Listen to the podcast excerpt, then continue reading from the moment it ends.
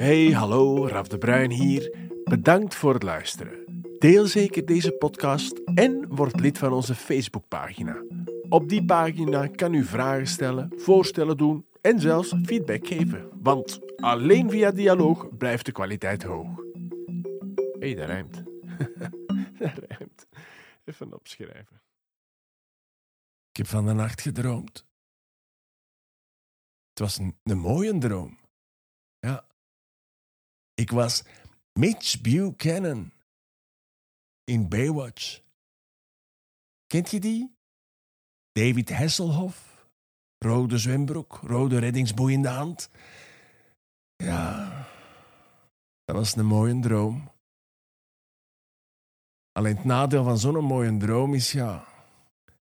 De volgende ochtend. De ontnuchtering voor de spiegel.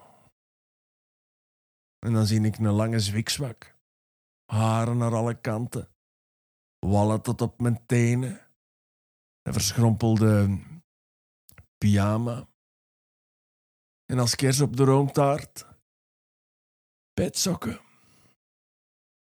Ja, dan besefte Raaf.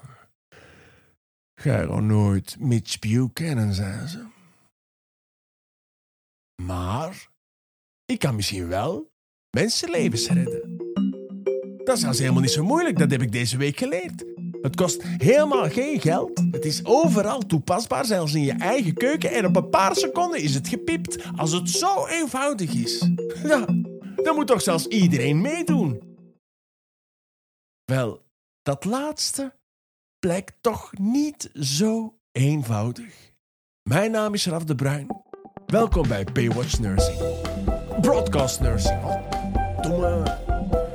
Dit is een aflevering van Broadcast Nursing, het KDG. Deze aflevering staat in teken van Operatie Propere Handen.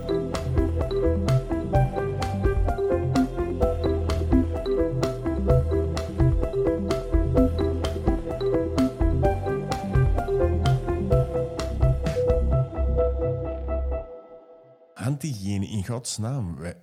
Zo moeilijk is dat toch niet? Wout, waarom leren wij onze studenten dat nog eens aan? Zij hebben dat toch aangeleerd gekregen van hun ouders, zou ik denken, niet? Dat, dat, dat klopt. Ehm, iedereen kan zijn handen wassen, maar goed je handen wassen, dat is nog net iets anders. Dit is Wout van Houten, een van mijn collega's die in het eerste deel van het academiejaar de eerstejaarsstudenten verpleegkunde onderdompelt in de basisvaardigheden van ons vak. Wij gaan later zorgverlener worden. Ehm, wij gaan later verantwoordelijkheid dragen over onze patiënten, die vaak ja, verzwakt zijn of vatbaarder zijn voor, voor ziektes, voor infecties. Hè. Die hebben verminderde weerstand. En daarom is het belangrijk dat wij dat goed leren te doen. Want eh, goed je handen wassen, dat is 30 minuten schrobben op een bepaalde manier. 30 seconden. 30 seconden. 30 Sorry. minuten is wel heel lang. ja, dan zijn ze wel proper, dat is wel waar. Dat is wel waar. Absoluut. Ehm 30% van de zorginfecties in ziekenhuizen en zorginstellingen kan vermeden worden door handhygiëne. 30 procent. Kan vermeden worden, ja. Dat is gigantisch. Dat is 1 op 3. Door gewoon je handen te wassen, dus daarmee dat het zo belangrijk is. Hè. Voor ons in het dagdagelijkse leven is ja, handen wassen na het toilet of zo vanzelfsprekend. Maar voor een verpleegkundige zijn daar wel degelijk regels voor wanneer dat je dat doet. De vijf indicaties voor handhygiëne zijn voor en na het aanraken van een patiënt, na het aanraken van de omgeving van de patiënt, na mogelijke blootstelling aan lichaamsvocht en voor een zuivere handeling. Tijdens de examens gaan wij op die vijf handhygiënemomenten letten. Dat is een beetje hetzelfde. Ik had vroeger, eh, als ik op, zelf op intensieve zorgen werkte, kwam er soms zo'n ongure man de afdeling binnengewandeld en die zich dan, eh, stelde zich dan eh, verdekt op en dan ging hij met zo'n kaftje streepjes zetten en u in toog houden. En als je de handen niet op de goede momenten ontsmette, zag je die zo een streepje zitten en zo. Dat was dan de ziekenhuishygiënist. Maar wij doen eigenlijk op het examen een beetje hetzelfde. Wij gaan streepjes zetten als studenten niet op de juiste logische momenten hun, hun handen ontsmetten. Is er enige mogelijke manier om dat zichtbaar te maken voor die studenten? Wij hebben een vrij hoogtechnologische handscanner. En dan kunnen ze onder die handscanner gaan kijken van of ze die ontsmettingsstof goed hebben verdeeld over hun handen. Eh, en dan krijgen ze eigenlijk een, eh, een voldoende. Dus er wordt niet altijd gestraft. Wij proberen eerder ze te, ze te belonen op bepaalde momenten in plaats van, van te straffen. Dat werkt toch vaak beter. En zo is er elk jaar een prijsuitreiking voor de, de klasgroep van eerstejaars die hun handen in globaliteit met de hele klas het beste heeft ontsmet onder die handscanner. Die krijgen dan van ons een, een zakje met allemaal leuke dingen in en die worden op de site gezet op het intranet. En uh, op die manier proberen we liever te belonen dan te straffen. Dus een patiënt komt in een ziekenhuis om te genezen van zijn ziekte. En eigenlijk, die handhygiëne, als ik het goed begrijp, pas je toe om diezelfde patiënt niet nog zieker te maken met een andere ziekte. Ja, absoluut. En zo kan je eigenlijk heel veel dingen meedragen, ook, ook op je haren, ook op je schoenen bijvoorbeeld. Je komt ook niet met, met onverzorgde schoenen zomaar in een zorginstelling werken. Ehm, ja, met, een, met een hele vieze baard. Ik zeg zomaar iets, kan je allemaal dingetjes overdragen of, of in wonden laten vallen. Maar vooral die handen zijn echt ons, ons belangrijkste instrument. Het is echt belangrijk dat we geen ringen dragen, dat we geen horloges aandoen, ehm, dat we geen lange mouwen dragen, dat die onderarmen eigenlijk dat die, dat, dat die, dat die vrij zijn. Ja. Dat, dat, die ook geen schade kunnen berokkenen. Voilà, dat is eigenlijk simpele basishygiëne dat je moet toepassen als je later uh, echt met echte patiënten gaat werken. Dat is heel, heel, heel belangrijk. Kan je zo eens benoemen wat voor beestjes dan zo'n schade kunnen eh, veroorzaken bij, in deze tijden? Um, zeker met onze handen zijn er in deze tijden, uh, als we van bacteriën dan spreken, zijn er beestjes die zich door de jaren heen ontwikkeld hebben die um, resistent zijn geworden aan bepaalde antibiotica. Antibiotica doet bacteriën dood, dat weten we.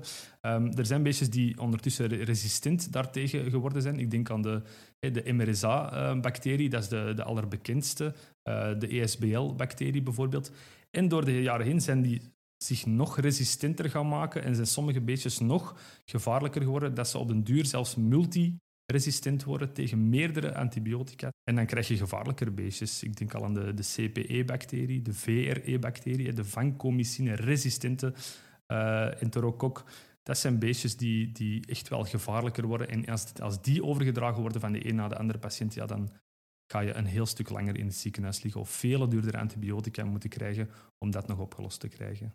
Of um, Clostridium difficile, dat is nog zo'n beestje dat echt in de stoelgang zit en, en, en ja, gemakkelijk kan doorgegeven worden via door uh, contact hebben met de patiënt of geven. Oké, okay, Wout, stop. Ik krijg ineens een heel vies idee. Dus dat komt uit de stoelgang en dat geraakt uiteindelijk in uw mond. Uh, als je niet oppast en je hebt de patiënt verzorgd, je hebt die handen niet deftig proper gemaakt en daarna... Dus um, als ik ja.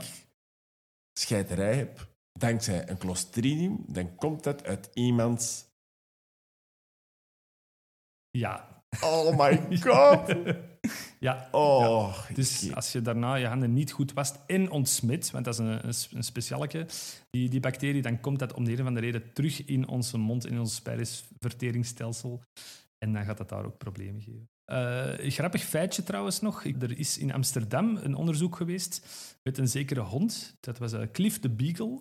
En die hond die hebben ze op twee maanden kunnen trainen. En bleek dat in 83% van die gevallen dat uh, Cliff de, de bacterie heeft kunnen opsporen. Die ging gewoon zitten naast die patiënt en dan wisten ze, ah, daar is iets verdacht aan het geurtje rond die patiënt. De studenten krijgen als beloning een zakje. Zijn er nog, zo nog dingen waar waarmee je de student probeert te, belonen? Ja, je hebt er al van gehoord. Uh, misschien. Um, wij doen op uh, eh, KDG nog um, een soort actie om studenten te belonen om die handhygiëne echt goed toe te passen. Uh, maar dan eerder echt de basisregels. Het gaat dan niet over het juist wassen, maar als ze geen kunstnagels aan hebben, geen armbandjes, geen ringetjes, als ze hun haren proper opsteken of een verzorgde baard hebben, als ze aan al die dingen voldoen, gaan wij regelmatig in het jaar eens een keer door het skillslab en delen wij Antwerpse handjes uit. We noemen ze propere Antwerpse handjes. Eh, dat is een beetje de, de actie daar rond. En, en, dat is door een uh, connectie dat ik heb met de, met de PIVA, met de kokschool, uh, die niet ver van, van Karel de Grote ligt. En ik heb daar een, ja, daar een bestelling kunnen plaatsen dat die twee keer per jaar 250 Antwerpse handjes speciaal voor ons pakken voor een vriendenprijsje. En dan kunnen wij die studenten daarmee belonen. Bedenk mij nu ineens, in de PIVA handhygiëne, die moeten dat er toch ook toepassen? Niet? Nee, nee, daar is dat salmonella en listeria en zo van. Zwijg, ik, krijg, Ja. ik, ik word al... Beestjes, allemaal beestjes, Wout- overal beestjes. Zwijg. Ik heb nog één vraagje. Je beloont studenten met een Antwerps handje. Maar wat dan met studenten die diabetes zijn? Ehm, daar is nog geen alternatief voor, moet ik eerlijk zeggen. Jawel, ik weet, er ik weet er één. Als die niet in orde zijn, dan geven dus... Dus- Ja. Voilà. Dat is een idee. Het zal u leren. Het is 1865. Budapest. Een 47-jarige man wordt onder stevige dwang opgenomen in een psychiatrische instelling. Reden? Hij schreef talloze brieven aan dokters waarin hij hen uitmaakte voor moordenaars. En hij viel ook jonge koppels op straat lastig, waarbij hij hen probeerde te overtuigen om vooral thuis te bevallen. Wanhoop leidde tot waanzin in het gesticht. Agressie werd dan ook met agressie bestreden. En niet veel later stierf de man ten gevolge van een geïnfecteerde wonde, opgelopen na een afranseling van het verplegend personeel. Een geïnfecteerde wonde. Hoe ironisch kan het leven zijn? Want laat dat nu juist hetgene zijn waar deze man zo voor gevochten heeft. Zijn naam? Dr. Injas Semmelweis.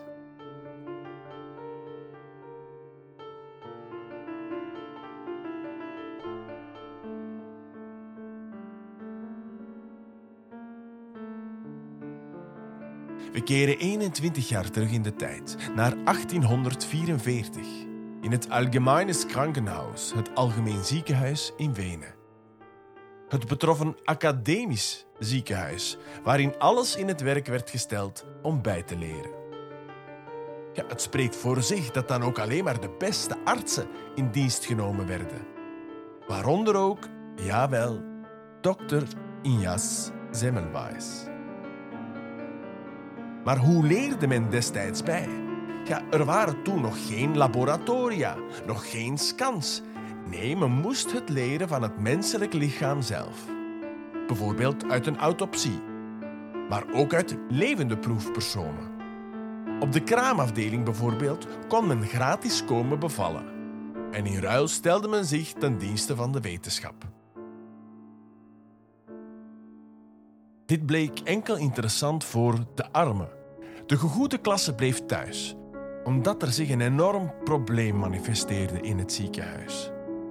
Eén op de vier van die gezonde jonge vrouwen die kwamen bevallen, kreeg hoge koorts, een gezwollen onderbuik, hevige pijn, rode strepen, een versnelde pols, delirium en uiteindelijk leidde het tot de dood. De diagnose kraamvrouwenkoorts.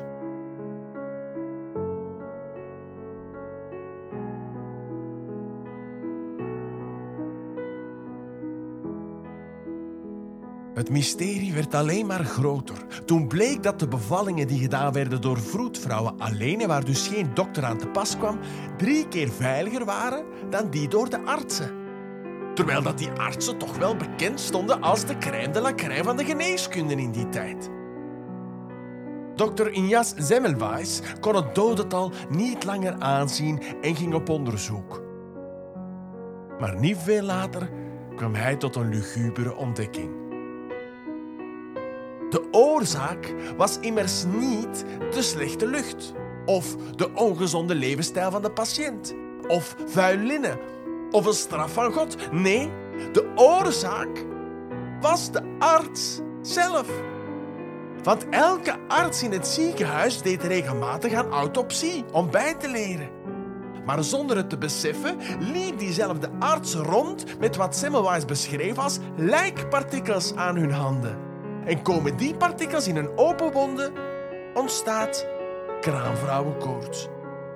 Dus de oplossing van Semmelweis was heel simpel.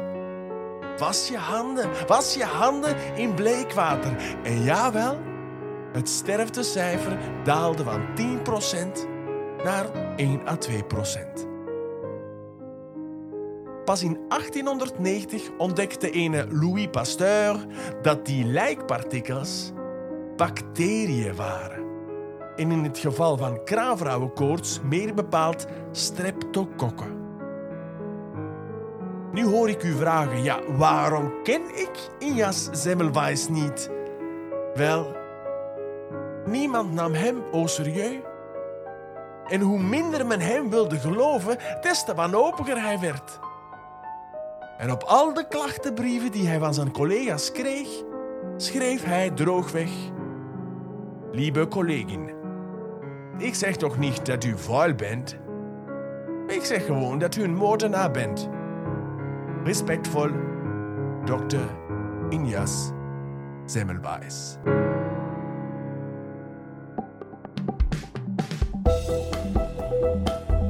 Zometeen in deel 2. Zijn die Antwerpse handjes wel proper handjes? Pakken we het in de school goed aan?